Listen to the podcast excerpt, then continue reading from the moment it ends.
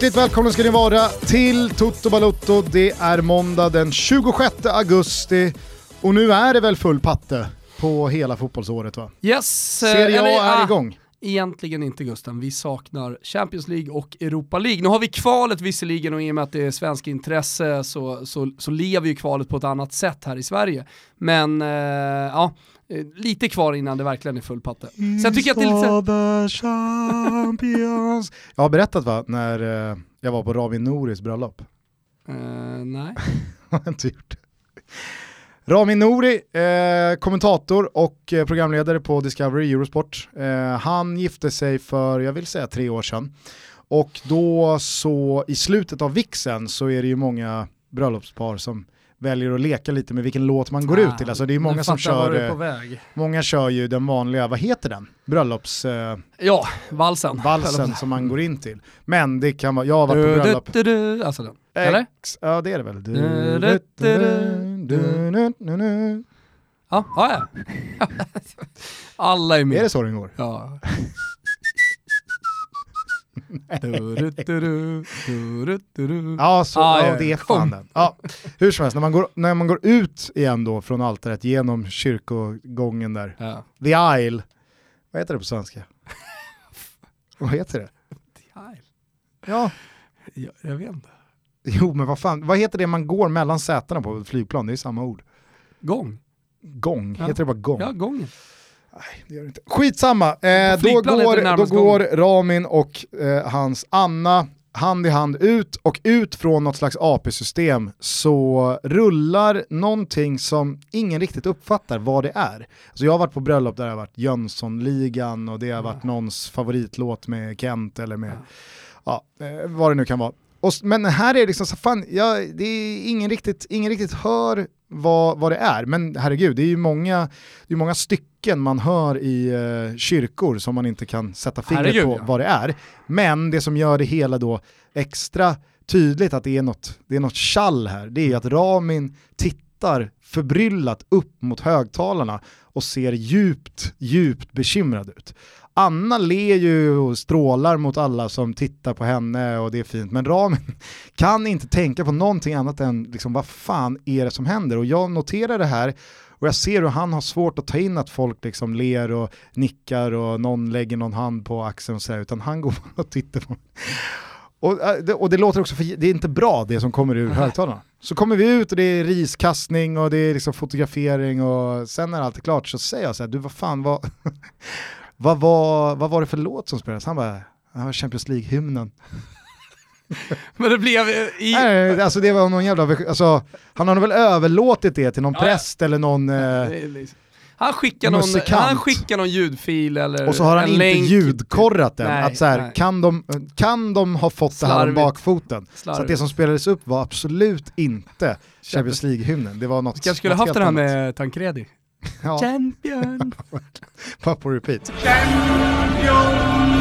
Nej men du har ju såklart helt rätt. Eh, Det återstår fortfarande två eh, Europacup-gruppspel Ja, för att den här säsongen verkligen ska vara i full blom. Men det är ju svårt att eh, bortse från att det nu är fotboll överallt när även Serie A har rullat igång. Man märker ju det när man skriver svepet, det är, det är mycket att ta in och eh, man får ju sålla liksom bland informationen. Hör du, innan vi sätter tänderna i det där svepet så skulle jag vilja dela ut en eh, schnitzel faktiskt. Åh, trevligt att börja med en liten måndagssnitzel. Schnitzel. Ja, eh, nej men jag eh, fick upp den här artikeln eh, på Expressen i morse när jag som alltid inleder veckorna med att, eller jag inleder dagarna med att eh, köra Pavlidis eh, headlines på Fotbollskanalen Ja. och sen så kör jag Expressen och så kör man ett snabbt varv Twitter. Mm. Eh, då nåddes jag av den här artikeln eh, som förkunnar att Tommy Andersson i eh, Valtorps IF har lagt skorna på hyllan efter 347 matcher i den rödvita tröjan. Stort. Vet du varför? Nej. Därför att Valtorps eh, legendaren Joakim Gabrielsson, han gick för sju år sedan väldigt tragiskt bort, bara 37 år gammal, eh, på grund av ett hjärtfel. Mm. Och han var liksom Valtorps IF. Eh, han hade spelat 347 matcher i A-laget, han var en one club man och han hade varit eh, både ett par år äldre men också liksom en eh, legend och en hjälte för Tommy Andersson och hans polare när de kom upp i A-laget. Men istället för att en tio år äldre Joakim Gabrielsson skulle vara någon sån här penalist som trycker ner junisarna som kommer upp så var han väldigt varm, han var väldigt välkomnande, han var väldigt omhändertagande och han var en spelare och lagkapten som fick alla capitano. i, i exakt, En som, bandiera som vi skulle säga. Som fick alla i klubben att känna sig välkomna och sådär. Så att eh, när Tommy nu i helgen tangerade eh, Joakim Gabrielssons eh, matchrekord på 347 matcher i Valtorps IF så valde han att lägga av för att han vill inte ta Joakim Gabrielssons rekord ifrån Nej, det honom. är stort. Det gillas. Det är så jävla fint Ja, alltså. det är otroligt fint. Så att, eh, Otroligt. ja, man Ja. blir nästan lite gråtmild. Ja, vi är alltså en otrolig schnitzel som skickas här. Så att eh, Tommy Andersson, om du hör oss, eh, varm schnitzel från hela Toto Balutto och så håller vi såklart ett extra öga på Valtorps IF här nu i division 5 Västergötland norra. Mm, det gör vi. Så, Som vi gör. nu kanske vi ska snäppa upp det några divisioner och eh, ta oss till eh, Tompas svep. Mm, det tycker jag. Efter en sommar av hädisk väntan så var det äntligen dags. Med poppad prosecco, Aperol Spritz rätt in i gomseglet och grappa i systemet sparkade italienarna igång världens enligt mig mest intressanta och upprörande fotbollsliga. Serie A, som ni förstår, var tillbaka och det tog som väntat inte många minuter innan spekulationer om tränarbyten, ett korrupt domarsystem och andra löst underbyggda konspirationsteorier tog fart. Okej, Joves seger över Parma på lördagskvällen flöt väl på förväntat med seger för Bianconeri. En petad Delicht och eh, Dybala som inte ens fick röra boll rör ändå om en smula i det svartvita Turin. Ja, men sen kom matchen mellan ett på nytt fött Fiorentina och då Scudetto-jagande Napoli. 90 minuter av vilda västernfotboll regisserad av en domarsheriff som skickades ur Florens med kära och fjädrar. Bedrövliga domslut och ett varum som borde ha bommats igen innan det ens invigdes. Herregud vilket fiasko! Jag vet inte vad ni gjorde men Tompa sparkade sönder och samman skrivan på K26 och nu får inte Svanemar ut sin boendeparkering. Klen tröst men ändå något. Annars noterar vi förlusten för Gianpaulos Milan borta mot nedflyttningskandidaten Udinese. Detta efter en match där de rödsvarta alltså inte ens mäktade med ett enda skott på mål. Hörde där Gusten va? Muriel kom in mot Spal och var fullständigt monstruös, bombade in två baljor och Bergamaskerna kunde vända hem med tre pinnar. En pinne blev det bara för Roma hemma mot Genoa. Visselorkan efter att Genoa kvitterat hela tre gånger. Ska ju såklart inte gå. RIP Fonsecas försvar. Största segern annars stod Lazio för i Genoa mot Ekdals Samp. Fan vad de bara kör under radarn ändå, Laziali va? Innan vi stänger eh, Serie A skickar vi all vår kärlek till fotbollsvärldens just nu största krigare. Efter 40 dagar sängliggande fullmatad med cellgifter tog leukemisjuke Sinisa Mihailovic sig till Verona och löste ett kryss för sitt Bologna. Jag vet inte vad Tottenham lider av, men de förlorade i alla fall hemma mot ett vildkämpande Newcastle mot alla odds. Alla miljoner fantasyspelare med Kane som kapten kanske inte vandaliserade rummen, men glada var vi, Gusten, sannerligen inte. Det kan man tänka sig alla Liverpool-supportrar dock var. Ny seger, Salah i galen form och fortsatt flykt tillsammans med City i toppen. Det är i övrigt en inledning av den engelska fotbollen som känns lite lurig tycker jag. Chelsea vann visserligen mot Puckis Norwich. Trots mål igen av finnarna, men tillsammans med United och de andra bakom toppduon känns det ovisst. Och då kommer ju också möjligheterna för till exempel ett lag som Leicester att faktiskt göra något stort den här säsongen. Snabbt litet hopp till Spanien och vi börjar i huvudstaden. Eh, James Rodriguez från start blev ingen succé för Zinedine Zidane. Kanske inte så konstigt med tanke på att han inte spelat så mycket. Hur som helst, 1-1 mot Valladolid och man får återigen känslan av att det kommer dröja innan Real börjar hitta riktigt rätt den här säsongen. Barcelona på ett nytt utan Messi, låg visserligen under men löste till slut segern mot Betis ganska enkelt. 5-2 och jag noterar mål av den evigt unge Joaquin. Fast på bänken för Alaves misstänker jag att eh, JG smålåg lite efter att de bara fick 0-0 mot Espanyol. Smålog räcker dock inte för att beskriva Alexander Isaks känslor efter segern borta på Mallorca. Återigen ett ruskigt pikt inhopp för svensken och nu vill, och nu vill enligt lokalpressen supporterna Isak från start nästa match. Satan vad bra han ser ut Gusten! Slutligen några övriga rubriker så att säga från Europa. Lewandowski är igång, ska förlänga med Bayern och smällde tacksamt in tre baljer när Schalke pulveriserades på Fältinsarenan. Glädjande från Tyskland var också att Emil Forsberg assade till Josef Paulsen när Leipzig vann. Foppen in med 30 kvar är snart redo att starta. I Frankrike ångar härliga Rempo i toppen, tre raka segrar. Och de verkar faktiskt ha någonting på gång den här säsongen ska du veta Gusten.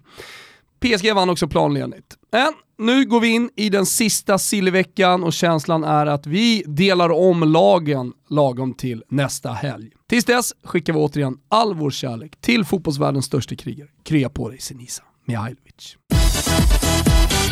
Härligt! Ja! Du ser, det är inte så lätt när eh, hallonbusken dignar. Nej, så är det. Säger man så? Ja, vi får ju säga vad du vill. Då får ju folket döma dig. Jag dömer dig aldrig. Nej, men när, när hallonbusken ligger där med det är bara bär efter bär att plocka, mm. då är det svårt att sålla. Mm. Eh, spontant så reagerade jag på att eh, du fick med Ren här, tyckte mm. det var kul. Det var ju många som fick upp ögonen för Eduardo Camavinga mm. efter att Ren slog PSG förra helgen. Eh, mittfältare född i november 2002, således bara 16 fjärtiga år fortfarande, men spelar ju fotboll som han är ju fortfarande lite tunn, men alltså det, det fanns ju något slags eh, Paul Pogba dynamiskt åt båda riktningarna där. Jo, så en ruggig tvåvägsspelare alltså 20... och 16 bast. Mm, 2002 gör ju någonting verkligen med mig, det var året då jag flyttade till Florens eh, och eh, ja men du vet man brukar säga sådär, det känns som igår. Men alltså när jag flyttade till Florens känns verkligen som igår och då föddes den här gubben. Ja. Ja, det, är, det är faktiskt, faktiskt makalöst. Vi håller koll på Kamavinga. Eh, mm. från Frankrike hämtar vi också nytt rött kort för Monaco. Ja, ja, såg. ja, tredje raka matchen som man får rött kort i. Tänker man ju så här, de leder med 2-0 i paus hemma mot NIM. Ja. Va? Här ska vi gå och lösa en seger. Ska man väl kunna sy ihop säcken va? Äh, Jämmerson plockar ett direkt rött i 55 och sen så rasar man ihop igen va. Så att eh, Monaco placerar sig efter tre spelade omgångar i Frankrike på nedflyttningsplats med bara en poäng ihopskrapad. Jag är ju kvar lite såklart i allsvenskan en sån här måndag. Mm. Det var ju seriefinal igår, du tar ju sällan med allsvenskan i, i dina svep. Det kanske Nej. är många nytillkomna Toto-lyssnare som undrar så här, ah, varför tar inte Thomas med allsvenskt i svepet? Men eh, du brukar hålla dig utomlands yes. så hamnar vi i allsvenskan ändå. Liksom. Mm. Eh, men det var ju till att börja med en fantastisk jävla inramning på stadion. Eh, det är ju alltid så när Djurgården går starkt och eh, det, det vill sig väl med motstånd och timing och sådär då kommer ju de ofta i bra nummer och de mm. är ju oerhört röststarka. Det ska de ha, såg du bilderna där när de ja. sitter och håller för öronen på familjeläktaren ja. för att eh, Djurgårdarna låter så mycket. Nej och sen eh, fullspikat på övriga stadion och ett fantastiskt hemmatifo, Beijmo från start och Ja, men det var ju dessutom AIK hade liksom precis innan tryckt in 2-1 i 90 mot Östersund för att haka på. Alltså mm. så här, ja, men alla är, ingredienser fanns ju. Det, om, om, låt säga då att det blir ett guldår för Djurgården, vilket jag tycker att det mesta talar för. Då kommer ju många tänka tillbaka på den här matchen som kanske en av sina största fotbollsupplevelser, även när man liksom summerar sin supporterkarriär, om man får kalla det för det. Eh, många hade bott i Köpenhamn, de hade säkert haft en helt fantastisk helg. Det var ju en sen sommardag som, vad jag förstod, var helt otrolig nere i mm. Skåne. Eh, man kunde stå i bar Uber, eh, man var säkert lite påläskad inför matchen. Eh, och sen så liksom det trycket, den krigarinsatsen, så som matchen blev med en sjuk straffräddning av eh, Vajo. Alltså det, det, ja, det är bara njuta liksom, för att sådana såna här matcher och sådana här säsonger händer ju väldigt sällan att man får uppleva. Ja, och sen så går det ju såklart inte att eh, komma ifrån det faktum då att eh, den här straffmissen var Malmös sjätte raka, så de har missat alla straffar i årets allsvenskan. Men... eh, vi pratade om det här i eh, säsongspremiären av Fotbollslabbet förra veckan, då frågade jag Backat, om, om du hade varit Uwe Rösler här nu, vad hade du gjort? För att nu har, ni, nu har Malmö missat fem raka, det är missat från eh, Antonsson, från Gische, från Rosenberg. Och han sa jag är helt övertygad om att Markus Rosenberg kommer både ta den och han kommer vilja ta den, och det kommer inte vara något snack. Eh, så det, det, för mig råder inget tvivel om att eh, Rösler litar på Rosenberg och han kommer ta det. Nu tar ju Rosenberg den, men han missar den igen. Ja, det är en dålig straff dessutom. Ja, och jag tyckte faktiskt att det var jävligt eh, intressant det Tommy Vaiho säger direkt efter matchen, att så här, nej men Jag pratade med vår målvaktstränare innan och vi analyserade dels hur straffarna slagits hittills. Och jag, jag var ganska säker på att när man har missat fem straffar i rad, då är det lite back to basic. Då slår man den i mitten och hoppas att målvakten går åt ett annat håll. Istället för att, ja men du vet, man Ah, vill... han gick ju i sig. Ja exakt, men han hängde kvar Ah, okej. med fötterna. Mm. Och det var liksom, han, han ville gardera sig, att jag, jag går åt något håll men jag hänger kvar med fötterna i mitten. Med den analysen, du kan ju tänka dig om Vaiho hade stått kvar. Alltså verkligen stått kvar, gått ner och Skopat den. skopat den. Alltså. Ja. Vilken förnedring det hade varit. Eh, Och det var nej. framför eh, Malmö-klacken också. Mm, Mm. Precis. Eh, ja, nej men, eh, det, Men sen- det, det var ju såklart eh, bara en, en liksom, ytterligare en detalj i den här otroligt... Men det jag, det jag det, menar det var ju inte den bästa matchen man sett, men fan vilken, vilken toppmatchkaraktär det var Absolut. på den. Det small från start och det var mycket kort och det var chanser åt båda håll. Och, Ja, men jag bara tänker också så här, när jag pratar om Djurgården, att de får uppleva en sån här match eh, och att det känns som att stjärnorna liksom står rätt för dem den här säsongen. eh, Tycker jag liksom, den känslan underbyggs av de sista 30 minuterna. Vi har ju pratat om det här, liksom, det har varit en snackis om att Djurgården alltid har varit eh, starka mentalt eh, den sista kvarten. De har lyckats vinna en jävla massa matcher på just den mentala styrkan och att alltid ha moral i truppen. Eh, nu visar de det igen, fast genom att stå emot. Mm. Eh, nu har ju Malmö liksom en bombardemang av chanser i slutet. Vajo gör ytterligare en dunderräddning på ett skott. Men jag skulle ändå inte vilja säga att det är en slump, för att alltså, så här, någonstans är de där. Eh, Rosenberg är en nick utanför, ja, på, på en hörna, den kanske är lite slumpar, den kan väl lika gärna gå in kan man ju tycka så här.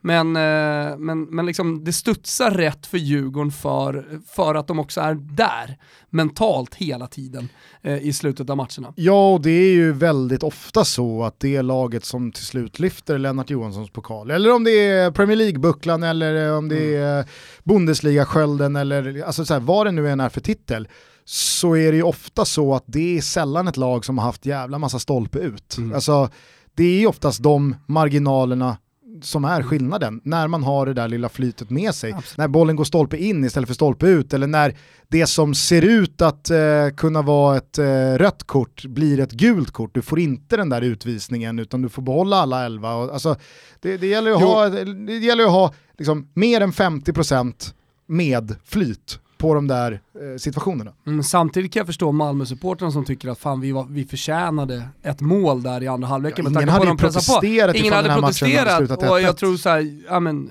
Djurgården, det hade ju såklart varit lite surt med tanke på hur jävla mycket en 1-0-seger betyder. Och då Mm. hade man gått därifrån och tänkt, oh, men om vi bara hade stått emot där på slutet, då hade ju fan gulden nästan varit klart. Men nu, nu går man då från den här matchen in i eh, derbyt mot AIK, där ett kryss faktiskt är ett superresultat. Ja, Och ja. ha med sig den, ja, de här sista 30 minuterna, att, att verkligen kunna lida sig till en seger på det, det sättet så, som de gör. Jag tycker de förtjänar det. Mm. Alltså, de, de, de förtjänar att ha marginaler med sig Djurgården. Ja, och att vinna på ett sånt sätt stärker ju också en moral, det stärker ju en tro, menar. det stärker ju liksom en, jag inte, en övertygelse inom gruppen om att fan vi kan försätta berg trots att vi spelare för spelare inte har en trupp som ska kunna tävla med Malmö, som ska kunna tävla med AIK, som fan till viss del Mm. inte ens ska kunna tävla med Bayern. Nu är det många som motsätter sig det uttalandet, jag vet, jag menar bara att Alltså så här, Så- spelare för spelare, om man bara tittar namnmässigt på truppen Mm. så hade man ju inte, så hade jag i alla minst två lag framför Djurgården så här långt in eh, i, i årets säsong. Men jag, jag, jag håller helt med dig där att det, så här kan man också vinna välförtjänt. Sen Alla segrar tas inte genom 70-30 i bollinnehav och 15 skott på mål och det är tjo och tjim och yoga bonito utan fan så här kan man också spela en jävla charmig fotboll. Sen tror jag på något sätt att de här få minuterna som Kujovic får i slutändan kommer vara jävligt viktiga, för då känner han sig delaktig till den här segern. Han, han har varit med, han har, stått, liksom, han, har, han har börjat svettas lite, han har fått stå där tillsammans med de andra andra spelarna, sjunga med Djurgårdssupportrarna och eh, den lilla delaktigheten som han känner nu tror jag kan väcka honom lite. Så att, eh, det skulle inte förvåna mig om han blir en sån här joker som i slutändan kanske avgör alltihopa för Djurgårdens, eh, till Djurgårdens fördel. Nej, och sen så som du är inne på så är det ju nu ett poängglapp ner till AIK på andra plats som gör att man faktiskt har råd att torska derbyt fortfarande vara i ensamt majestät, vilket då gör krysset mycket, mycket mer värdefullt än tidigare. Ehm, och det är ju den här torsken mot Kalmar, alltså AIK är Det är, är det 89 minuten mot Östersund som man gör 2-1. Mm. Alltså ett poängtapp där. då, är det ju, då Nej, är det sex poäng. Sen ska Nej, men, vi komma ihåg att vi sa samma sak om AIK i fjol. Alltså det, det kändes bergsäkert, sen så kom ett par torskar, det kom några skador och, och jag menar så här, det måste ändå till en liten disclaimer. För att eh, Djurgården har inte en jättebred trupp, så det, det är väl nej, det, är väl det nej, alltså här, och Höstar har sänkt lag förut. Självklart, och det är, det är två derbyn och herregud, det är tuffa matcher som ska spelas. Alltså Bayern smyger där bakom också. Bayern är De är med. på samma poäng som... Häcken smyger med. Ja. Eh, nej, men som, jag... Som, som, jag ska säga, de är samma poäng så ingen ja, tror att jag tror att de är på samma poäng. Men vi spelar in det här före dem, eh, deras match. Och mm. om de vinner den så har de faktiskt eh, kommit ikapp Malmö.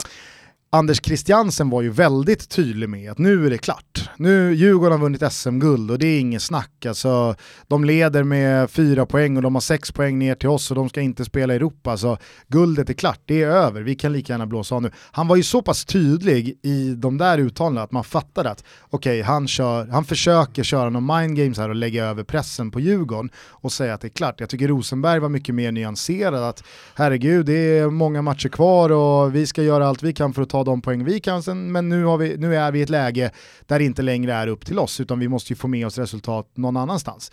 Det jag däremot tycker efter den här omgången, så som poängen fördelades med AIKs torsk mot Kalmar förra helgen, invägt i det, så är ju guldet numera Djurgårdens att förlora. Mm. Det var det ju inte för en vecka sedan, Nej. lite drygt. Då var det, även fast Djurgården var i tabelltopp, så var inte guldet deras att förlora i och med att de hade då Nej, Malmö men... kvar på bortaplan och så vidare och så vidare. Men nu, i den position de sitter i just nu, alltså här, den, som, den som tittar på den här tabellen mm. vet att det är nio matcher kvar och inte säger att Djurgården är favoriter till att ta guld, den ljuger ju. Ja, så är det.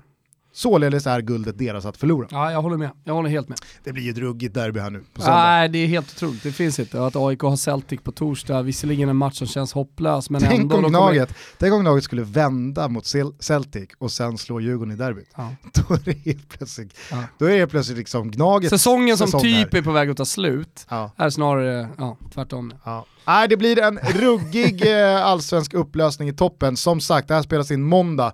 Så att eh, Blåvitt och eh, Bayern får väl göra sitt ikväll då, men vi kan, inte, vi kan inte räkna in de prestationerna än. Vi är denna vecka sponsrade av Stay Hard Thomas och nu jackar våra vänner där borta upp vårt samarbete genom att ge inte 25% längre utan numera 30 procents rabatt på den dyraste varan med ordinarie pris och det här erbjudandet gäller på precis allt. Om den tidigare koden var TOTO25, vad tror du koden är nu? TOTO30.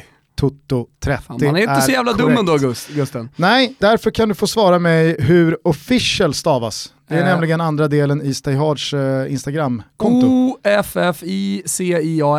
Jajamän. Oj, oj, oj. Stayhard official är Stayhards eh, Instagramkonto. Där lägger de upp en massa härliga poster på eh, ja, deras utbud. Man kan se hur snygga grejer som finns på stayhard.se. Det finns ju över 250 riktigt bra märken där va? Ja men det är bra för mig som eh, liksom befinner mig mitt i en rådande 40-årskris att få lite inspiration. Så då kan jag bara kolla på Stayhard official då och sen så kan jag köpa det som är där, så behöver jag inte fundera speciellt mycket själv. Om modellen är under 25 och har samma plagg så är det inget för dig. Okej, okay.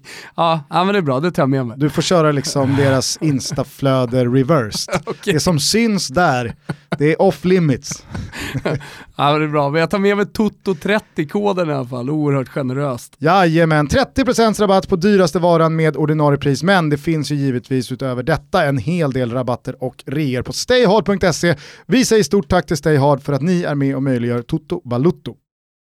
Du får hålla i dig Gusten för vi har ett nytt spännande samarbete att presentera. Det är med betalaktören Klarna och det ligger ju mig lite extra om, om hjärtat. Varför då tänker du Gusten? Ja det är jag faktiskt nyfiken på. Ja, jag var ju med när Klarna hette något annat förr i tiden, började och de var tre stycken grabbar som hade hoppat av Handelshögskolan för att starta den här betaltjänsten. Och behövde, de behövde då hjälp med att bygga upp sin kundservice. Eh, det var företaget som jag jobbade på, jag bland annat med och hjälpte till att bygga upp deras, då lilla kundservice, nu är den ju enorm i och med att de har varit så extremt framgångsrika. Men eh, därför är det kul att de kommer tillbaka i mitt liv igen då. Och jag tycker att det är med en väldigt rolig kampanj de väljer att göra det. Ja, det handlar ju om den omdiskuterade VAR-frågan. Klarnas filosofi är att man ska känna sig 100% trygg i sina köpbeslut. De har ju en betalmetod som heter betala senare. Jag tror att det är många som känner till den.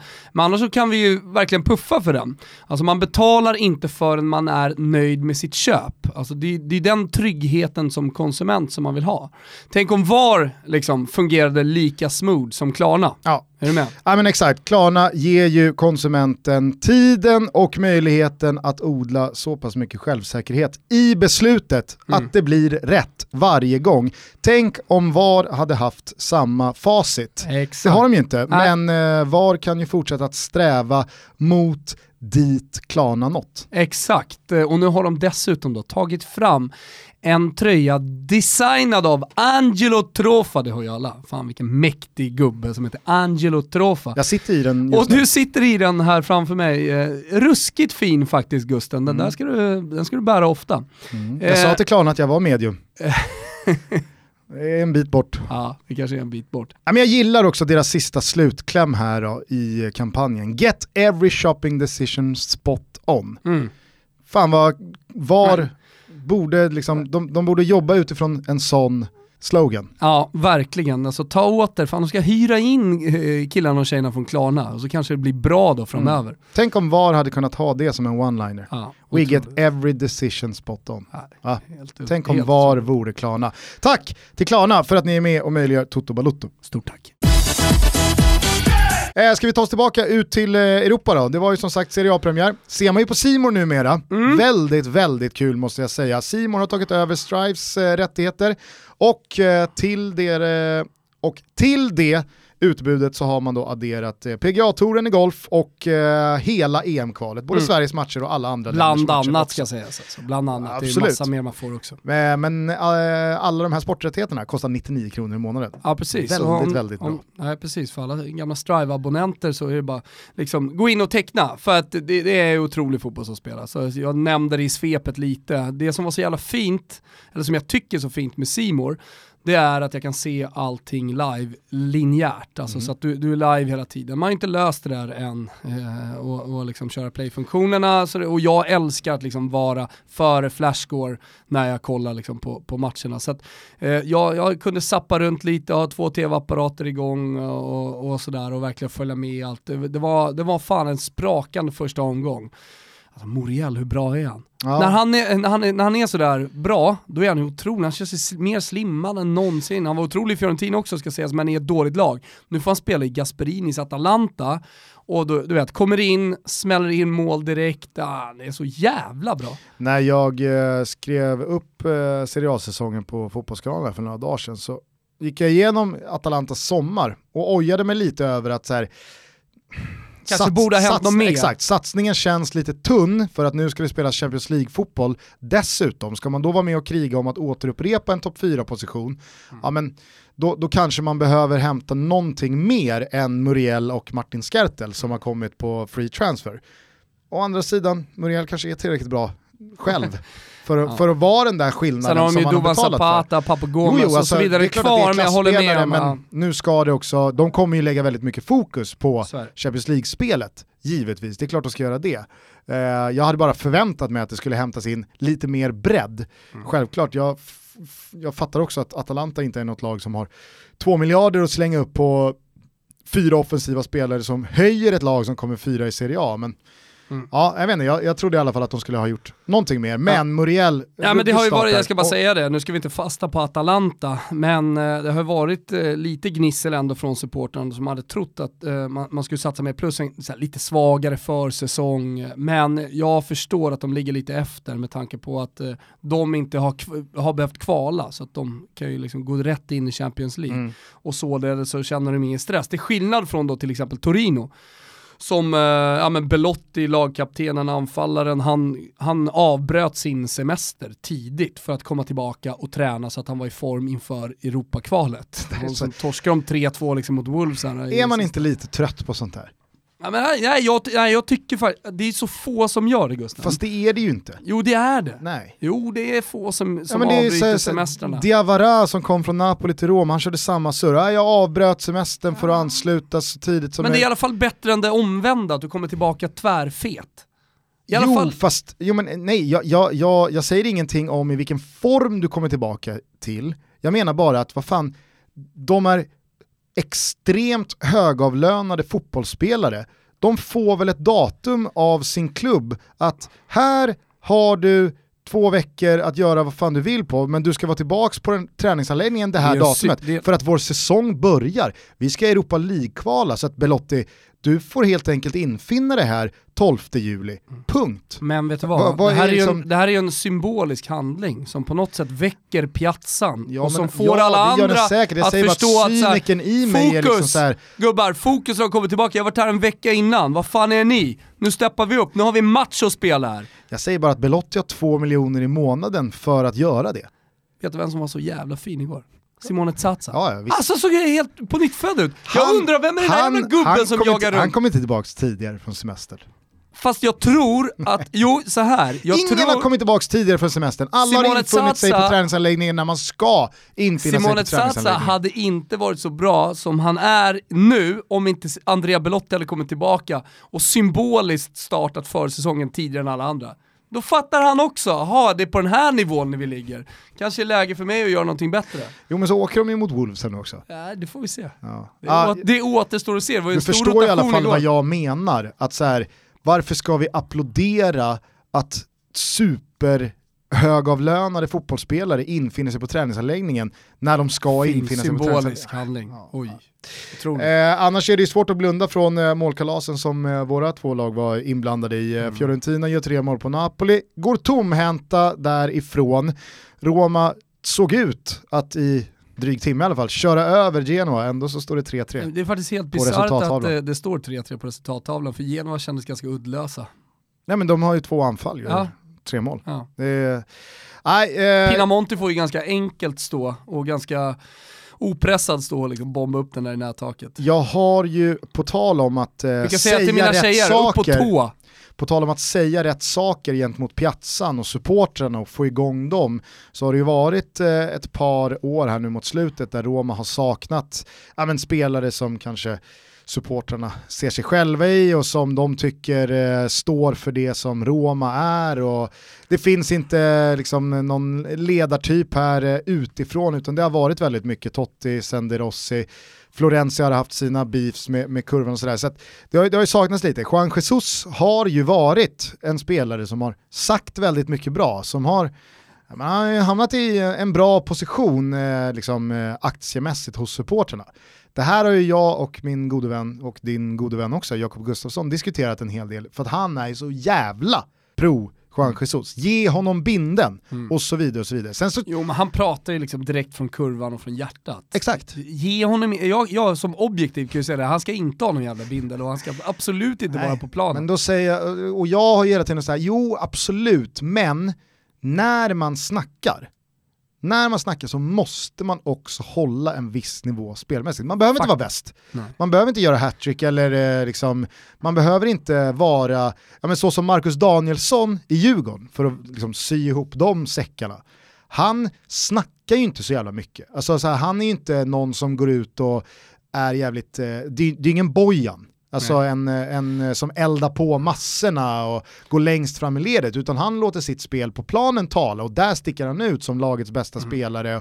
Han är en garanti och supportrarna älskar honom för det, men det är ju ingen liksom så här, Men det är ju smärtsamt om du är en Bojan och sen så spelar du som Svante Samuelsson. Alltså är du med på vad jag menar? Alltså Exakt. när, när, när du får könlösa prestationer efter könlösa prestationer och sen så går du ut i media som eh, en stor krigare Mm. Och, och alltid står på supportrarnas sida. Det blir lite smärtsamt. Sebastian Eriksson är ju ett mer uppdaterat bra exempel då i årets allsvenska. Han är ju en kapten som jag är övertygad om att väldigt många IFK Göteborg-supportrar älskar som kapten för att han är som han är. Han har känslorna utanpå och han lever sig in och han eh, som sätter alltid Blåvitts bästa i första rummet och han spelar kompromisslöst. Och sen så kommer det, nå, liksom så här, det kommer någon plats, men han är inte liksom så här, det är inget sänke.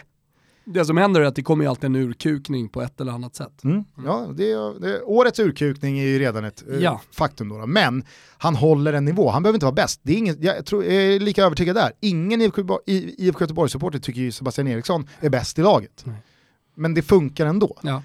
Juan Jesus är sämst i laget. Ja. Då, då, då, då faller det ju där. Ja. Alltså han är så dålig igår, så att det, det, det liknar Han, är, ingenting. han, han, är, han är extremt dålig igår. Han blir alltså utbytt, ja. skade, För att han är dålig. skadefri, Ja. som mittback. Ja. Ja, det, det, det är ju väldigt sällan man I en ser. match, Roma leder. Ja. ja, det är sällan man ser mot en annan mittback, så det är inget taktiskt eller någonting, utan du är bara så jävla dålig Ja. tycker Fonseca, så jag måste ta ut honom för han är en säkerhetsrisk. Synd då att Mancini kommer in och är lika Ja, klappkass. det Missar kanske är något direkt. systemproblem vi har att göra med. Men ingen var så dålig som Massa, domaren under Fiorentina-Napoli. Han var fan under all jävla kritik. Och man förstår, nu har, nu har ju... Mm. Vet du vad som den känns italienska- skönt att säga? Nej. Det, jag, jag gillar inte VAR, jag gillar Klarna. Ja. Det, det ska bli min Det, det, nya sägning i Nej VAR-debatten. men alltså, he helt ärligt, eh, nu har ju den italienska domarkåren basunerat ut här i flera veckor liksom inför serien att nu har vi fattat det här med VAR. Ah, nu har vi uppdaterat det här, vi vet hur vi ska lösa det här. Lugn och fin, ni kommer bara se. Och så börjar eh, Serie A med den matchen. Med den katastrofala domarinsatsen. Med att inte kolla VAR när man ska kolla och så vidare. Du är med på vad jag menar. Alltså man, man fattar helt enkelt fel beslut. Och det här är mänskligt, det, det, det är så här, Va- så länge inte fråga vad du- Får jag bara människan fråga kan vad du hantera... tyckte om Fios straff de fick där efter 5-6 minuter? Som grävs fram ur VAR-rummet. Ja. Det är ingen som hittar en straff nej, där. Nej, nej. Det, alltså, egentligen så gillar det inte. Nej, det gör Nej. inte. Nej. Nej. Och sen fa- fanns det ju mer katastrofala domslut liksom. Som Jo men där sätts ju tonen också. Såklart, såklart. Ja, då, då, då ska du ju bara titta på allt. Eller ibland då ska du känna, här behöver jag inte titta på, utan här ska vi lita på. Vi skulle ju inte titta så mycket, och hur var det nu? Så nu är det ännu mer, annorlunda griller i skallarna på domaren. Mm. Efter nya riktlinjer då. Men vet du vad jag kan gilla ändå med Serie A's brukande av VAR som Premier League har fått om bakfoten? Nej. Du vet hur vi pratade efter Premier League-premiären där med den här straffsituationen i matchen West Ham-Manchester City när det är Yes. någon spelare på väg in i boxen lite för tidigt och så går straffen om och då hade ju FA gått ut och slagit sig för bröstet efter dam-VM då varit väldigt mallig om att så där ska minsann inte vi hålla på, vi ska låta, vi ska låta Ja, det så- mänskliga ögat fortfarande vara det bestämmande och, och vi ska inte gå in och peta i varenda jävla detalj.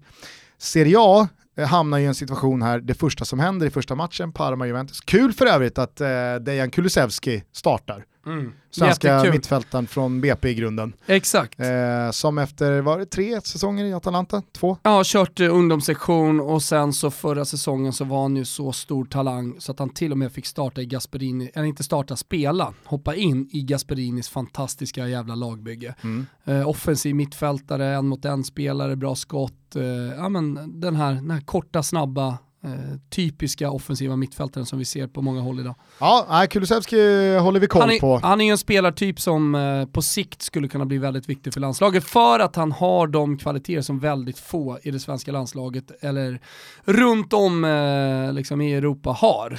Kenka Sema också, debut omgående i Mm. eh, Udinese, Ja, hoppade in kul. där när de slog Milan.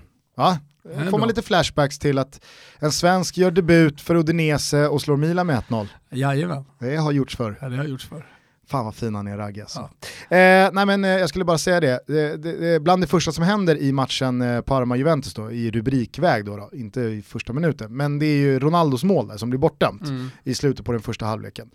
Då går ju VAR in och så lyckas man med teknik och streck, jag vet inte om du såg hur de drog och höll på och frös bilden och sen så sätter de ner då liksom vinkelräta streck för att belysa vad är i offside-område och inte. Och, sådär. Och då är det väl, det är, väl- det är väl liksom, hade Ronaldo inte kört så mycket axel, axlar på Mm. gymmet så hade han varit onside. Mm. Men nu är liksom en halv centimeter av axeln offside, och då är det offside. Och då är det så här, ja men det är väl klart att det då är offside, även fast det kan tyckas löjligt att det krävs sådana, alltså så här, att det har gått så långt. Men de hittade ju att han var offside, alltså var han offside. Mm. I Premier League där för någon omgång sedan, eh, i mötet eh, Wolverhampton United, kommer du ihåg det? Mm. Eh, Så gör ju Wolves 1-1. Eh, ingen ropar ju såklart på någon offside eller liksom vad det nu är, utan alla frågar bara vad fan håller de på och kollar nu när domaren går till VAR och avvaktar med avsparken. Och så ser man då hur VAR-rummet eh, liksom resonerar, de tänker, de sätter samma streck och då ser man ju, Wolfspelaren är ju offside mm. med liksom en halv axel. Men nej, nej. Då, då, är det inte offside. Nej. Så det blir, jag kan ändå tycka att liksom, har man VAR och kan se binära saker, så mm. som är bollen inne mm. eller är den inte inne, är det offside är det, eller är det inte offside?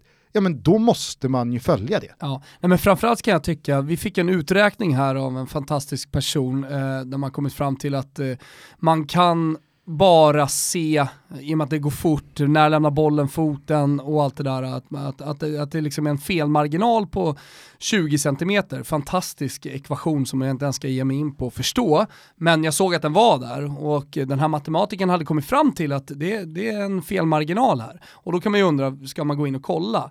Men då kan jag också tycka, precis som i tennisen med Hawkeye eller då Goal Line Technology, technology där man säger att eh, det finns felmarginal även där Eh, att det, nu är det det här vi använder och det är så här vi jobbar. Det finns en Hawkeye och det är den som kommer bestämma. Det finns en goal line technology, även om det är millimeter eh, som kan skilja eh, mot liksom hur det egentligen är, så är det så vi jobbar. Och där måste ju VAR bestämma sig för, fotbollen måste bestämma sig för, är det så här vi jobbar? Ja men då måste ju den där axeln vara offside, eller hur? För annars så börjar man liksom göra godtyckliga bedömningar och då blir det ju superknasigt. Ja. Ja, då vet ingen varken ut eller in. Jag tycker att du och jag tillsammans med Klarna kommer med uppmaningen här att get every decision spot on. Ja, ja. spot on. Eh, annars då från eh, Serie A-premiären, vad fastnade du för? Den är inte över än, Inte Nej. kliver in ikväll. Yes, inte kliver in ikväll, kommer förmodligen eh, göra en dunderinsats för att det är Antonio Conte. Han kräver jätte, en, en jättefin insats. Nej men jag, tyck, jag tycker såklart att det är anmärkningsvärt att en skadefri Delicht sitter på bänken för Juventus och säger efter att det kom som en, det var förvånande även för honom att han fick sitta på bänken. Eh, jag tycker att det är extremt anmärks, anmärkningsvärt att Gianpaulos Milan är så fantastiskt usla mot Udinese att de inte ens mäktar med ett skott på mål. Mm. Alltså det, det sticker ut. Men på tal om att man liksom undrade kring Atalantas sommar, att okej, okay, Muriel kommer, man hämtar in en rutinerad mittback i eh, Skertel, mm. men inte så mycket mer när man såg Milans laguppställning igår. Visst, det är någon skada här och där, men alltså... Nej. Och, tror någon att det där laget ska hota topp 4?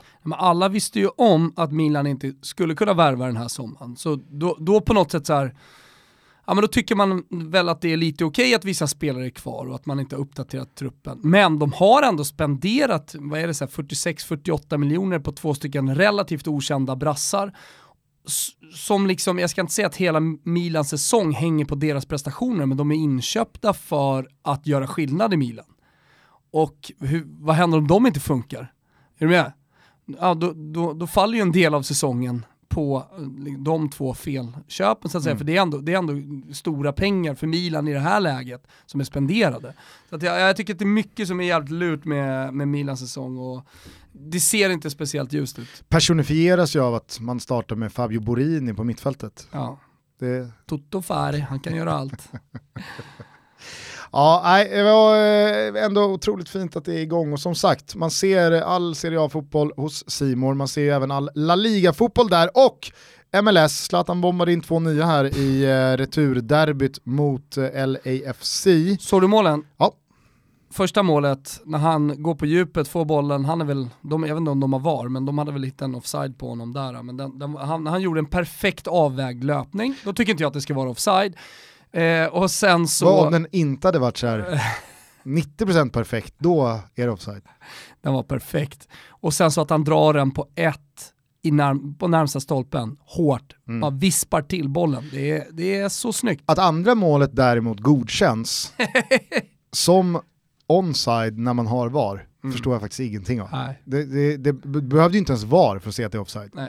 Eh, men eh, jag måste säga det att den här spelaren de har hämtat in bakom honom, Pavon. ja, Mm. Jävlar, han ser bra ut. Alltså, han, ser, han ser bra ut på riktigt. ja exakt, i MLS då måste man liksom addera på ja, riktigt. Men man har den disclaimern att, att det, det, här är ju bra till och med för att vara MLS. Ja. Nej, men man ser ju direkt att han ligger på en nivå tankemässigt Ja. som Zlatan, liksom, alltså han, han ligger närmare Zlatan tankemässigt Och än jag, många tror att det är ganska, laget. jag tror att det är ganska bra eh, inför ett eventuellt playoff. Nu är det ju väldigt tajt där uppe i toppen. Eh, Nej, men så som du förklarar målet också, jag Ja. eh, ville bara liksom sy ihop det med det. Det är inte många mål man har sett Zlatan göra borta i USA som är frukten av Någon en annan, annan, spelares genialitet. Ja, det är Utan det, som det är ofta liksom en lyra som han gör någonting otroligt bra med. Ja. Eller en passning till Zlatan som därifrån gör hela målet. Det är väldigt sällan att det är oj vilken briljant jävla passning, vilket upplägg. Och så får Zlatan bara avsluta det. Nej. Nej, han gör det otroligt bra. Så vart det 3-3 då Mm. eh, mot LAFC i derbyt. Det kommer väl någon till drabbning, det ska ju spelas finaler i MLS, även om Zlatan tycker att det är ett jävla, ett jävla dåligt upplägg. Mm. Alexi Lallas, Lallas? Lallas, Jävla lallare. och ryckte bort Han- skägget på Alexi Lallas. han och Zlatan har väl en liten beef, den ser jag fram emot att följa. Ja verkligen, det är synd bara att Alexis Lallas har rakat av sig det där bockskägget. Han har ju tappat allt. Eh, ska vi bara kort ta oss till Spanien och La Liga, där händer det grejer. Du nämnde det i svepet, Alexander Isak med ytterligare ett inhopp. Den här gången bytte han av William José. Eh, och eh, återigen, gjorde det bra. ja, om du ska ju jämföra också med När William... Sociedad, ja jag säger bara Sociedad, vann matchen Mm. från att Isak kom in. Ja, men du ska ju jämföra Alexander Isaks prestation med William Josés för att på något sätt i alla fall försöka sätta sig in i hur tränaren tänker inför nästa match. I och med att vi alla svenskar vill ju såklart att eh, Alexander Isak ska göra succé i La Liga så att han sen också kan göra succé i det svenska landslaget. Och eh, det är ju jättestor skillnad mellan de två för att William José ser tung ut, nu har han varit skadad visserligen men han ser tung ut, han eh, skapar inte speciellt mycket chanser själv medan Alexander Isak liksom kan hämta bollen på halvplan och likt vem då Gusten? Jo, Zaha tar sig an en he ett helt försvar på egen hand. Wilfried, Ja, du vet att han, eh, har du läst PSG-ryktena? nej, Det är, nu, nu börjar PSG titta dig. target Zaha. Oj då. Fy fan vad Roy Hodgson gnuggar händerna nu. ja. Det är helt, Han helt, visste att det var helt bra att vänta. Ja, det vore helt otroligt. Nej men jag, jag ska bara säga det, han, han är ju en sån här spelare som Crystal Palace inte kommer i några tsunamivågor och anfaller med massa spelare så tar ju han sig an försvar på egen hand. Och det kan också Alexander Isak göra. Alltså han kan vara i boxen, han är superskicklig där och en bra targetspelare, men han kan också ta sig an. Han har tillräcklig snabbhet, tillräckligt stark och ja, men jävligt god teknik för, som till exempel när han vaskar fram frispark även i den här matchen då, när han får två spelare mot sig. Så att, nej, jag tycker att det ser väldigt lovande ut efter de här två första matcherna för Isak. Och Ödegård Ja, fortsätter är att övertyga. Ja, jag tycker han är... Han, jag, såg du situationen när han får en putt i ryggen i straffområdet? Men behåller eh, Men behåller Mm. balansen. Alltså, där har du ju då, mot alla 60-talister som hatar filmningar eller förstärkningar, vad, vad du nu vill, där, där har du ju liksom det emot. Jag menar, där har du en superärlig spelare som inte får en straff i det där läget och det, det kan ju betyda poängtapp. Och har du då en extremt viktig match i slutet på säsongen och så lägger inte han sig där, då skulle jag som Real Sociedad-supporter bli förbannad. Lägg dig ner för helvete Ja. så får du ju straffen liksom. Det är en dunderarm i ryggen. Vad ska du hålla på och hålla balansen uppe? Och också en känga till alla domare som hatar filmningar säger de. Men börja ta dem där då! Då får ju ni hitta det där. Om ni kollar VAR eller vad ni nu gör, för de har ju VAR i, i Spanien. Fan ta den då! Det är ju solklar jävla straff. Nej, jag var på kanalplan i lördags och tittade på Hammarbys damer mot eh, Kvarnsveden. Och då, Där hade de inte VAR. där hade de inte VAR och där hade de inte heller då liksom eh, furbotänket påkopplat att förstärka så pass mycket att det regelövertrampet som försvararen står för blir synligt utan det ska stå man ska stå upp tills man fan stupar och då får man ingenting med sig. Ja, men problemet är det du säger här, då får man inget med sig. Och domare hatar filmningar och förstärkningar. Ja men se till att börja blåsa då då! Se till att lära er det, Johannesson. Hörru Steffe Pepsi, kom igen nu. Sitta och sippra på en höstpepsi en, ska vi ta en höstpepsi med Steffe Pepsi och liksom Jag vill säga ett par sanningens ord? Ja, det vill jag göra. Fundera inte ens på VAR i Allsvenskan om ni inte kan sköta situationerna för helvete. Nej. Ja men det är tröttsamt ju. Ja, nej men verkligen eh, just det där, alltså frustration, för att alla ser att okej nu behöver du bara lägga dig Mm. så får du straffen. Men så väljer Hammarbys eh, amerikanska nyförvärv till anfallare att stå upp och så, det, så tittar man ner på tränarbänken och Isak står, och så man ser, jag bara ser Isak liksom så här. Men han coachar väl till det där. dig! Han coachar väl till det till nästa match? Ja, eller så här, jag tror att man tar surret, men det sitter i ryggraden hos så jävla många damspelare tror jag. Jag är ju supertydlig med mina tioåriga tjejer. Det är bara lägga i straffområdet. Alltså. Så fort ni känner en touch, lägger ner. Så får, jag lovar alltså, de här tonårsdomarna kommer blåsa direkt. Ja. Nej, men eller, så, så här, eller så är det starten på då nästa nivå. Kolla hur Anders Christiansen lurar eh, domaren igår Mm. med sin filmning. Han gör det ju så snyggt, han får det ju att se ut som att Une Larsson tar hans fot Mm. och kapar honom. Men den är, så liksom, den är så perfekt utförd den filmningen. Ja. Une Larsson blir ju lika delar förbannad på att det blir straff, för att Une Larsson vet att jag har inte nuddat Anders Christ- Christiansen. Men jag tror att han också vet att så här, helvete vilken bra filmning. Ja, Helvete vad han lurade, han Ja. drog mig med två fotar. lurar ju mig Och så- totalt. Ja, alltså du vet, han, det, det, är inte, det är inte kontakt någonstans. Nej. Men det är så jävla bra filmning. Men, Att men, han är nästan värd en straff bara för det. men jag, AC. tycker, jag tycker ändå, för att återgå till kanalplan, alltså jag tycker att I, Isak, din bror, borde ta det där på större allvar. Alltså han borde göra damfotbollen en tjänst genom att börja coacha till det där. Mm. Han, han, han skrek inte rakt ut. Skriker han Nej, det var- mycket det på var- tränarbänken? Ja, ja. Ja, det, det hörs mycket sådär. Mm. Jag fick, ju, jag fick ju skit igår när jag coachade en, en match. Eh, du, du vet, hemjobb är ju någonting man vill ha, eller hur? Mm. Och det är någonstans så här, vi är ett lag, vi hjälper varandra ute på planen, eller hur? Oavsett om du är 10 år eller om du, du är vuxen. Det tycker jag i alla fall. Och om du, om du, du gör en hemåtpass och sen så tar du inte liksom kanterna, in i mitt fält där kommer inte ner och möter och hjälper målvakten som är hårt pressad av två spelare. Då tycker jag att, då tycker jag att man är direkt jävla taskig mot målvakten. Förstår du? Mm. Alltså fan, det är, du är dum just nu. Det, det, är värre, det är värre än att du eh, sparkar ner någon på planen. Förstår du hur jag tänker här? Ja, det, det, går, det går väl att diskutera om det är värre, men eh, jag förstår. Ah, men det, det, det är ju en för jävla behandling av målvakten, din kompis som står i mål om du inte hjälper dem. Då blir jag förbannad. Och så, så ropar jag ut det liksom och avslutar med ett fan! Liksom sådär. Då är det en förälder i det andra laget som efter matchen då får jag höra, har varit väldigt upprörd och gått och pratat med våra föräldrar och, och sedermera pratar han också med han jag coachar med. Men inte med mig. Alltså är det, är det höjden av svenskhet, Gustav? Alltså du går inte till, till han som du på något sätt har någonting att säga till, utan du går till alla andra Ja. och pratar. Fy fan, det är man ju lik, det är man också, det är man ju trött på. Det är svenskt. Ja, Det är lågt i tak. bananer alltså.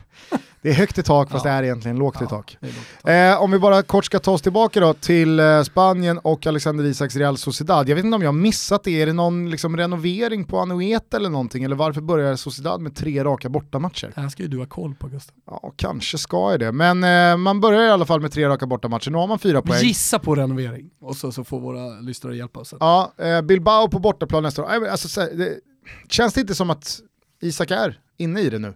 Alltså nu kan det mycket Kanske väl bli... någon match på bänken, men, men med tanke på hur mycket bättre än William José han ser ut, Mm. så tror jag nog att det närmar sig eh, väldigt mycket en start. Hörde du, eh, ingen eh, schnitzel utan en gulasch va? Uh. Såg du, eh, såg du när Antoine Griezmann firade ett mål Ja, på ja, Camp. Nou igår? Fan, det här borde jag, det här, det här borde jag plockat upp direkt. Ja. Är det Griezmann som ska till? Ja. Jo, jag såg det, jag såg det. Eh, jag följde inte matchen live, den gick ju parallellt med eh, Romas eh, schizofrena insats på Olympico. Så jag noterade bara hur eh, Tessan Strömberg, Expressen och eh, Viasat skrev på Twitter att eh, Antoine Griezmann gjorde precis sitt andra mål tror jag för kvällen eh, för Barcelona och eh, valde att fira med att springa ut vid hörnflaggan och eh, få av någon jävla funktionär händerna fyllda med glitter så kastar han upp det så blev det någon sån här glitterkonfettiregn Mm. över sig själv och det var tydligen ett filmteam som gör någon liksom eh, dokumentär om, alltså du vet, det var bara så här, Så här, det passade in, det var manus.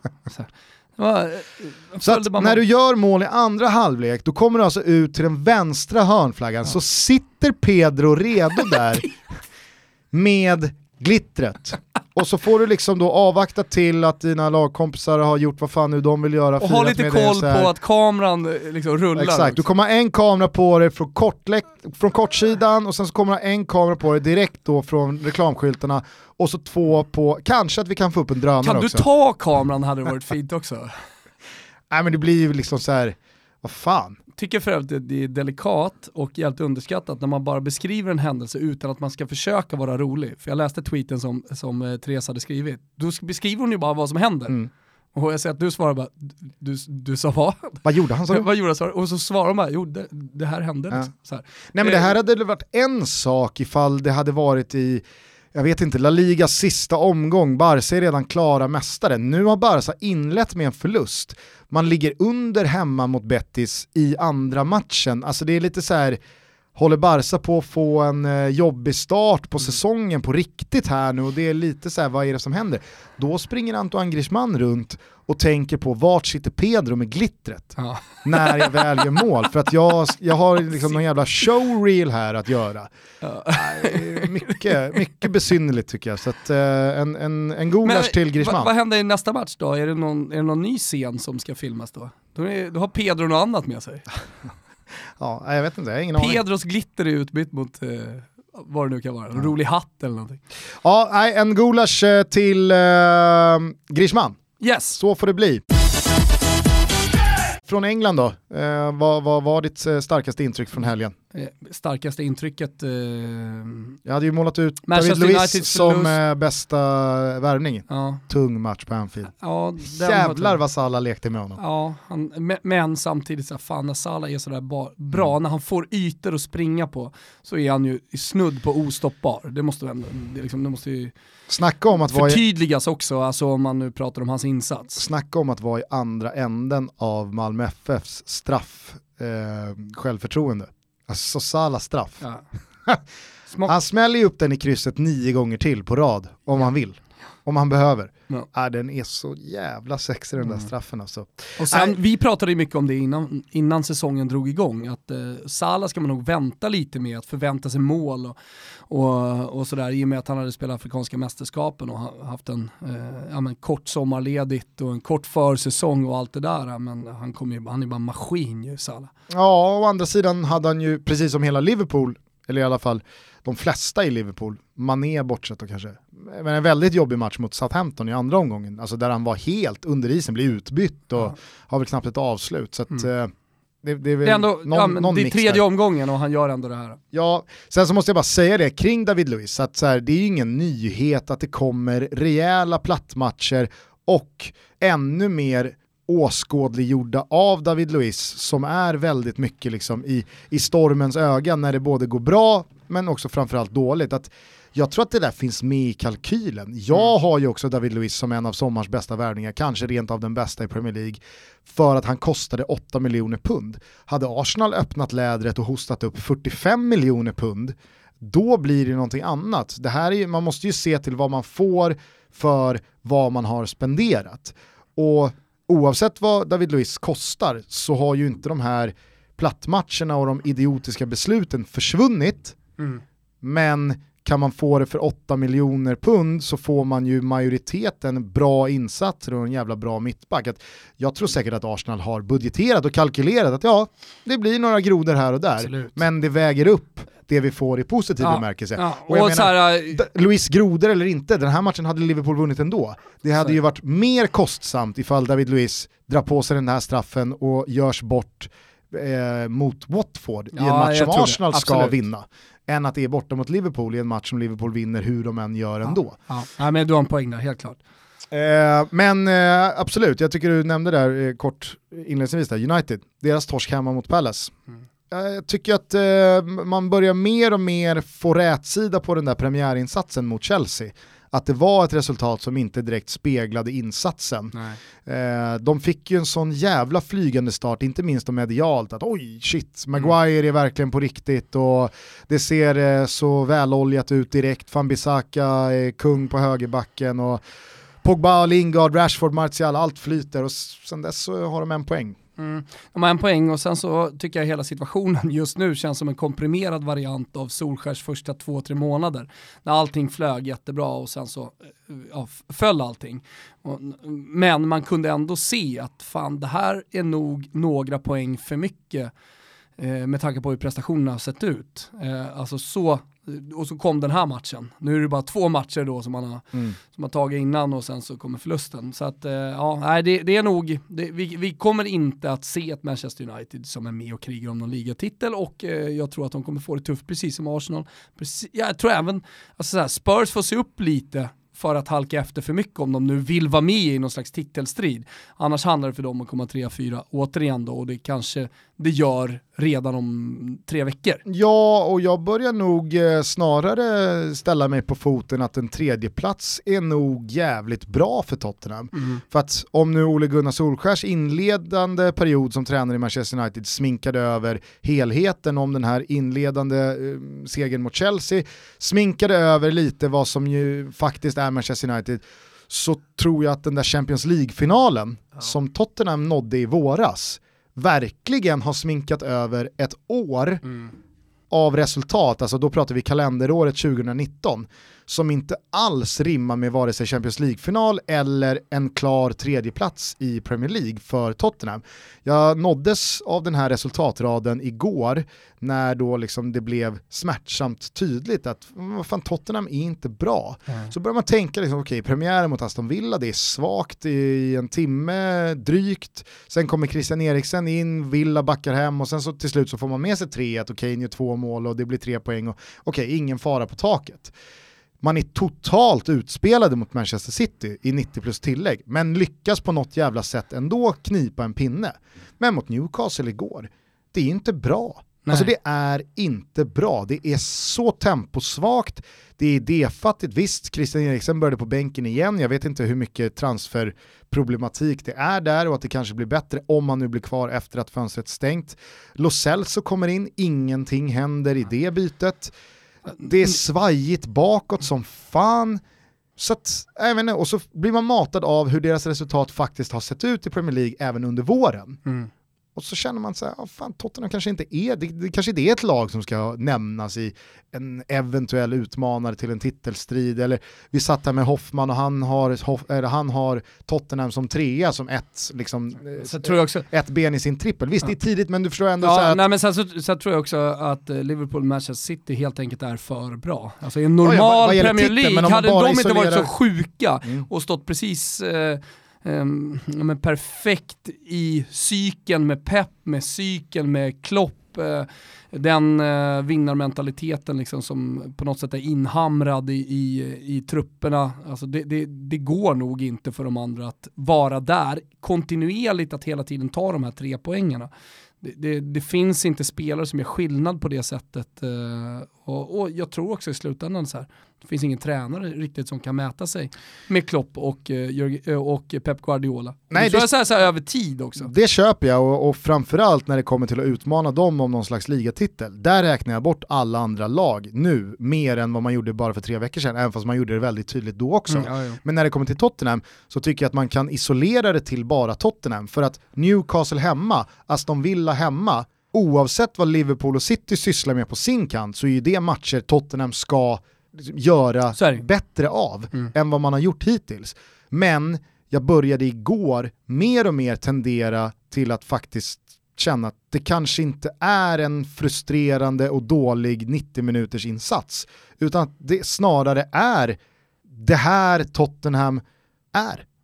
Mm. Nej, eh, någonstans, vi får se. Jag tror att de kommer hamna i perioder där de är fantastiska och de luckrar upp det där Själv- försvaret. och- Självklart, Jag menar så här, ja, men men titta på Tottenhams har resultatrad Ja, i men- Premier League kalenderåret Det är lite- 2019. Jo, jag vet, men sen så är det ju lite parodiskt också att eh, Harry Kane inte riktigt levererar liksom, i en sån här match och så kollar man tillbaka på hans säsonger, då är inte augusti hans månad och att det återigen blir lite så. Mm. För att det är han som ska göra det igår, kan jag tycka. Sen ska de ju ha en straff där i 78 ja, det är ju faktiskt sinnessjukt. Va, alltså Lasells beslut, nej, jag slänger mig och nickar. jag kör en säl. Nej, mycket märkligt. Ja. Ja, nej, det, var, det var bara liksom, eh, kort reflektion kring Ja. Spurs, att fan man kanske ska omvärdera dem. Den där Champions League-finalen. Jag tror vi ska eh, vänta lite och så ska vi se lite eh, vad, vad som händer här framöver. Ja, låta jo, men låta även- Kane få komma in, in i, en, i en målperiod och, och sådär. Det kommer ju, det kommer ju så ganska tuffa matcher här nu framöver. Mm. Och, och jag menar, vinner man, no Arsenal har man va? I the North London Derby alldeles strax.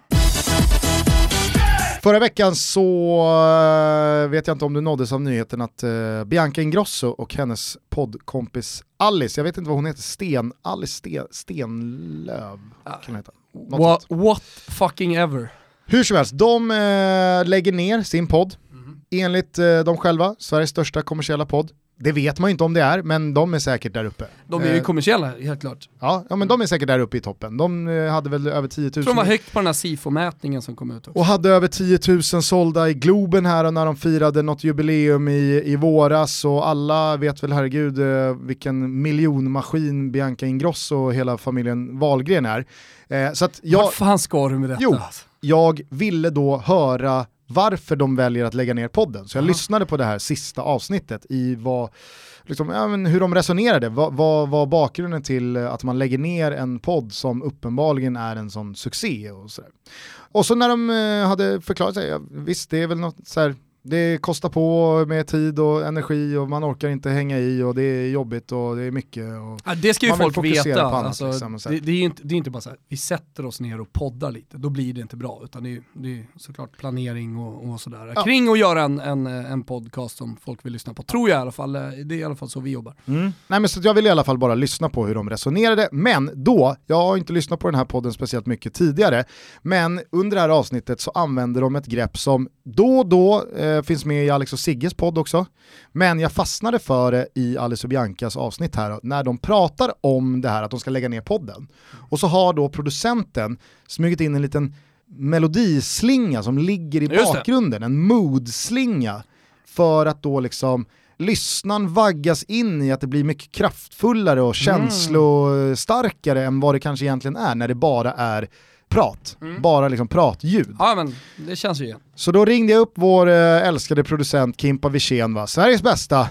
Och så äh, bollade jag den här idén med honom att kan inte du ta fram några mood-slingor till eh, måndagens avsnitt. Och så tar jag fram tre korta eh, snuttar som jag då skriver ett manus till och som jag läser upp och så, får Tom, alltså, så kan jag och Thomas prata om det. Men så ligger det då i bakgrunden en melodislinga som då passar in mm. till ja, fattar, den här texten. Så ska vi se om lyssnarna känner att oh, fan, det, här blev, det här blev starkare, det här blev bättre, det blev lite så här, det blev lite mer genomarbetat, lite mer producerat, lite mer dramatiskt. Det kanske, jag vet inte, det kanske gör någonting. Det kanske flyger. Flyger det så tänker jag att Kim framöver då kan använda det här lilla knepet ifall du och jag pratar om någonting, alltså mm. i ett segment, det kanske blir en diskussion om någonting, då kanske han då lägger på en mm. moodslinga. Jag tror dock att det ska vara manusskrivet. Kanske, ja. jag vet inte, vi ja. får väl testa oss fram. Ja. Hur som helst då, nu blir det, det blir, vi börjar lite moll, mm -hmm. eh, och så ska vi se vad det blir för effekt på den här texten. I våras gjorde Helsingborgs IF comeback i Allsvenskan. Man slog guldkandidaten Norrköping på ett nyrenoverat Olympia. Landslagskaptenen Granen stod omutlig längst bak och det gamla gardet med Alexander Farnerud, Wandersson och Marcus Holgersson kändes hungriga, fit for fight och bättre än på länge. Men segrarna radade inte upp sig. Buttejöken P.O. Ljung fick lämna först av alla tränare och inhämtades ikonen med kungakronan på sne, Henrik Larsson. Efter en uppmärksammad och stormig exit senast lät Henke meddela att gammalt groll var glömt och att alla nu blickade framåt tillsammans med samma mål, att HIF skulle spela allsvenskt även 2020. Två månader senare avgick Henke. Folk hade sagt dumma saker om honom. På internetforum har så kallade supportrar uttryckt sig på sätt som inte är acceptabla. Verbala påhopp. For what is it worth? frågade sig Henke efter kuppförlusten mot Oskarshamn. Jag tror det var Oskarshamn i alla fall. Och lämnade lika fort som han kom. Kvar stod hjälptränaren Alexander Tengryd och lät meddela att han ställer upp för tillfället, men han vill inte ens ha jobbet. Han tycker klubben måste hitta någon mer rutinerad och det har redan börjat viskas om Micke Stare. I första matchen, post de verbala påpen som knäckte Henke Larsson, förlorade Helsingborg, symboliskt mot just Norrköping, med 5-0. Ja, äh, men, eh, härlig summering. Jag tror, jag tror för övrigt att eh, oavsett ljudslingor och så vidare så tror jag liksom att det kan vara bra att summera eh, när det är läge att summera så att säga. Eh, det, så det, det greppet tror jag på. Mm. Om jag bara ska liksom snabbt utvärdera efter det här. Eh, för, för nu är vi i ett läge där vi faktiskt kan summera eh, en ganska stor del av Helsingborgs säsong. Eh, ja, sen kan det ju bli superettan eller så kan hon vara kvar i allsvenskan. Men, men eh, det, det, det är ett läge där det hänt någonting väldigt stort. Eh, så att det finns anledning till att gå tillbaka lite. Mm. Mm. Nu kan då Kimpa ha klippt modslingan, den tog slut när mitt manus tog slut. Vill du säga någonting mer om Helsingborg och situationen här med Henke så kan ju Kim lägga på ljudslingan igen till det icke manusskrivna. Och så kanske så ser vi om det flyger även då. Ah, okay. Eh, vad, vad, vad, vad, kände du till att börja med?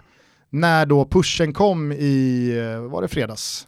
Jag ska helt ärligt, Torsdags. Eh, jag ska helt ärligt säga att det kändes som att Henrik Larsson återigen är en stor förlorare.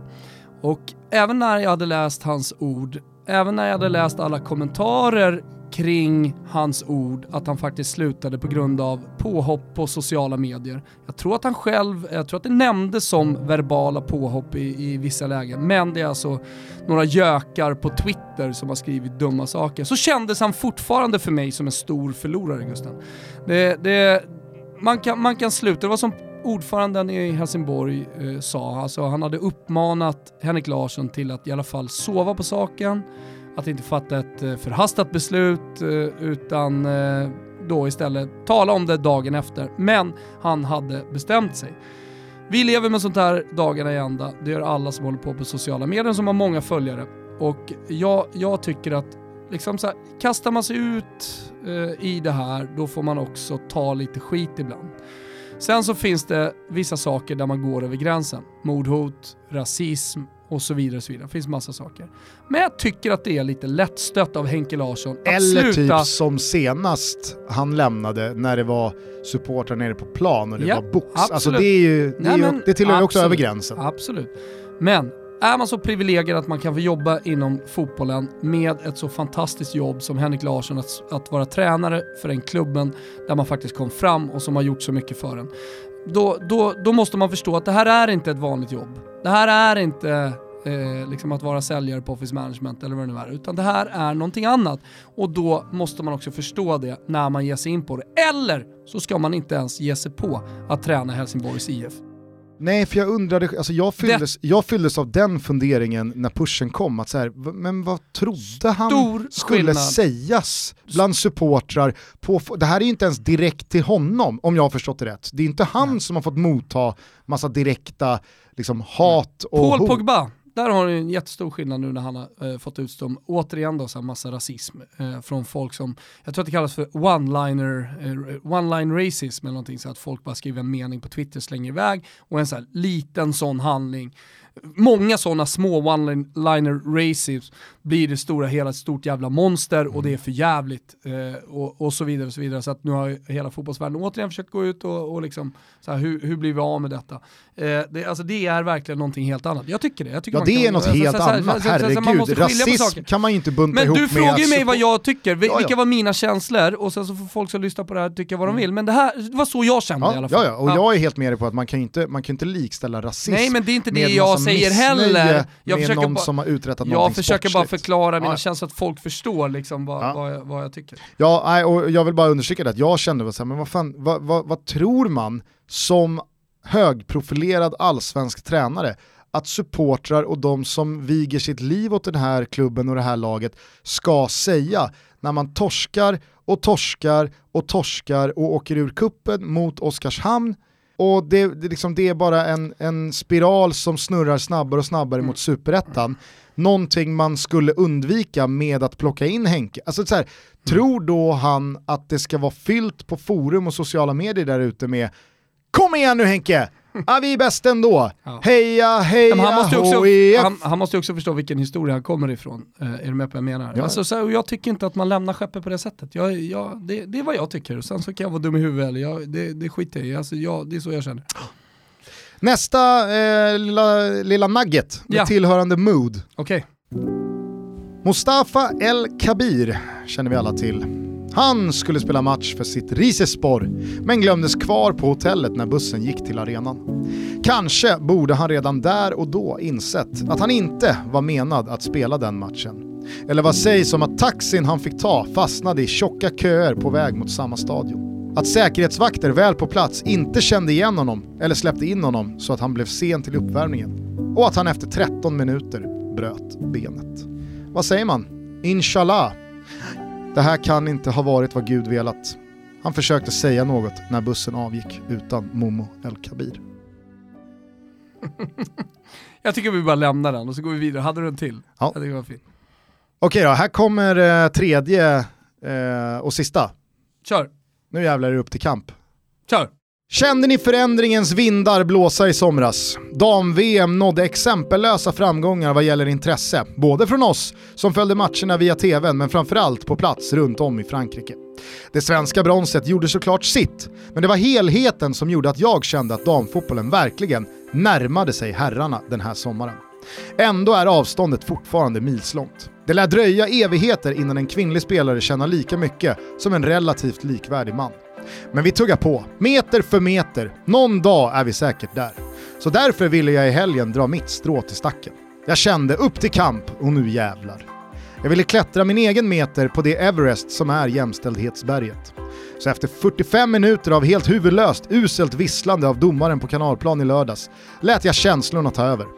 Vill damfotbollen bli vad herrfotbollen är så ska jag fan hjälpa till. Då är det det de ska få. Så jag ställde mig upp och buade skiten ur mig själv. Jag tog i från tårna och skrek för första gången åt en kvinnlig domare vilken jävla sopa hon var. Att idioter som hon kunde dra åt helvete. Och det kändes bra. Det är en tuff kamp, men någon måste våga ta den. Gugge Dalin, feministen och jämställdhetsidkaren. För mig flyger det Gusten. Gör det va? Ja, det här är segment som kommer fortsätta. jag älskar jämställdhetsgugge. Nej, men det kändes, Mer kanalplan, det mer kändes känslor. så jävla fint att låta den där domaren höra Bra. vad fan hon var för någonting. Bra. Och så känner man så här, det här är jämställt. Det är ju så här de vill att, det är så här liksom, ska det här, ska, ska damfotboll bli här fotboll så är det här någonting Och det som du menar med behövs. herrfotboll så menar inte du att det är liksom så här, ja, det- nu måste ni börja vara forbo och filma och hit och dit. Eller kanske de måste, men du menar att de ska bli jämställda rent lönemässigt och så vidare. Nej, Ja, ja, självklart. Ja, Och det tarvar ju då att damfotbollen rymmer alla de känslorna Ja. som herrfotbollen rymmer. Så är det det, det ska inte vara någon skillnad, alltså man ska inte stå och titta på en allsvensk dammatch, eller i det här fallet elitettan-match, och känna att jag tittar ju på damer, så jag får inte skrika att domaren är en jävla idiot, eller att hon kan dra åt helvete. Alltså, eh, Gugge Dahlin flyger, segmentet flyger, vi får väl se vad lyssnarna säger. Gusten, det har blivit dags att ta tag i den här måndagen, göra sig redo för Inter och Bayern som spelar ikväll. Och Blåvitt, Och Blåvitt, som heter Kalmar, Kalmar. som eh, verkligen har spottat upp sig i bottenträsket av allsvenskan. Hörni, om två dagar så kliver Tony Bacci in i studion och ersätter Kristoffer Svanemar för det inför Serie A-säsongavsnittet som vi har utlovat. Du och Svanen drog till Skottland, Glasgow förra veckan för att kommentera Celtic AIK. En liten applåd här utanför mikrofon. Här. Ja. Nej, vad fan, Kimpa kanske ska lägga in en liten... Bra jobbat får man säga. Ja, kort, eh, koncis kommentator, kommentar, eh, kom, karriär för min del. Lite teknikstrul som sig bör eh, initialt, eh, men jag Kom tyckte igång. att du och Svanen skötte er förträffligt. Ja, man, jag, jag tror att så här, vi, vi skulle nog inte stått upp och ropat till AIK eller liksom sådana grejer, utan vi tog det och försökte göra det ganska professionellt och ge folk liksom matchen snarare. Så Mm. att, det, var, det var väl okej. Alltså jag tror så här, alla som typ, ah, ni borde kommentera alla, man, åh fan, gör fler matcher och sånt där. Jag tror att så här, nej, eh, Svanemar ska självklart fortsätta kommentera på Simon för han är skitgrym. Ja, men det är inte så här Lasse men Granqvist får se upp. Men man, man, man, nej nej, verkligen inte. Alltså hade de slängt in oss i en eh, liksom SVT VM-match så hade ju folk undrat vad fan var det här för någonting kanske. Eh, men eh, jag tror att i sammanhanget och där på plats så tror jag att det var det bästa man kunde göra. Alltså Mm. det, det, det, det står jag för. AIK hade kunnat göra det bättre dock. Ja, kunnat göra det de till en har, lite roligare eh, match för er och alla Ja, de AIK-supportrar. har gärna fått ge mig ett måljubel. Ja, hur som helst, den här resan ställde i alla fall till det för oss med eh, Serie A-avsnittsinspelningen och det här har förskjutit någon inskolning av Svanens eh, äldsta dotter här nu så att vi får ringa in Bacci istället, men det är ju en fullgod ersättare. Ah, det ska bli superkul. Gör eh, Kilometer d'Amore med eh, Christian Borell, stor eh, interista. Fin och kul på Twitter är han också. Ja, det är han. Han är, han är bra på alla sätt och jag tror att eh, våra lyssnare som inte har bekantat sig med honom än kommer att gilla avsnittet. Så vi sätter tänderna i Serie A-säsongen tillsammans med Tony i nästkommande avsnitt. Ni fortsätter lyssna. Jag tycker dessutom att ni håller ögon och öron öppna via våra sociala medier för där eh, retweetar vi ofta och får ut allt roligt vi gör tillsammans med våra vänner på Betsson. Ja exakt, Serie A-quiz här senast, eh, senast 20 av 20. Jag och Leo Jägerskiöld satte båda, jag har screenshots och sluta garva. nej, det var faktiskt ganska simpelt. Eh, men, eh, nej, men vi gör jävligt mycket eh, kul tillsammans och håll koll då på Betsson. Precis, vi boostar upp en vanlig trippel här nu till helgen när alla ligor är Ah, igång skönt. igen. Det Det har varit långtidare ett tag här nu, men nu är det back to basic och tutto-trippen. Jajamensan. Eh, med det sagt då så tycker jag att vi stänger ner. Yes. Tack för att ni lyssnar hörni. Ja verkligen, tack för att ni lyssnar. Vi hörs snart igen. Mood. Ciao tutti! Ciao tutti. Vad är det för mode? Vad är det för mode? Vad är det för mode? Vad-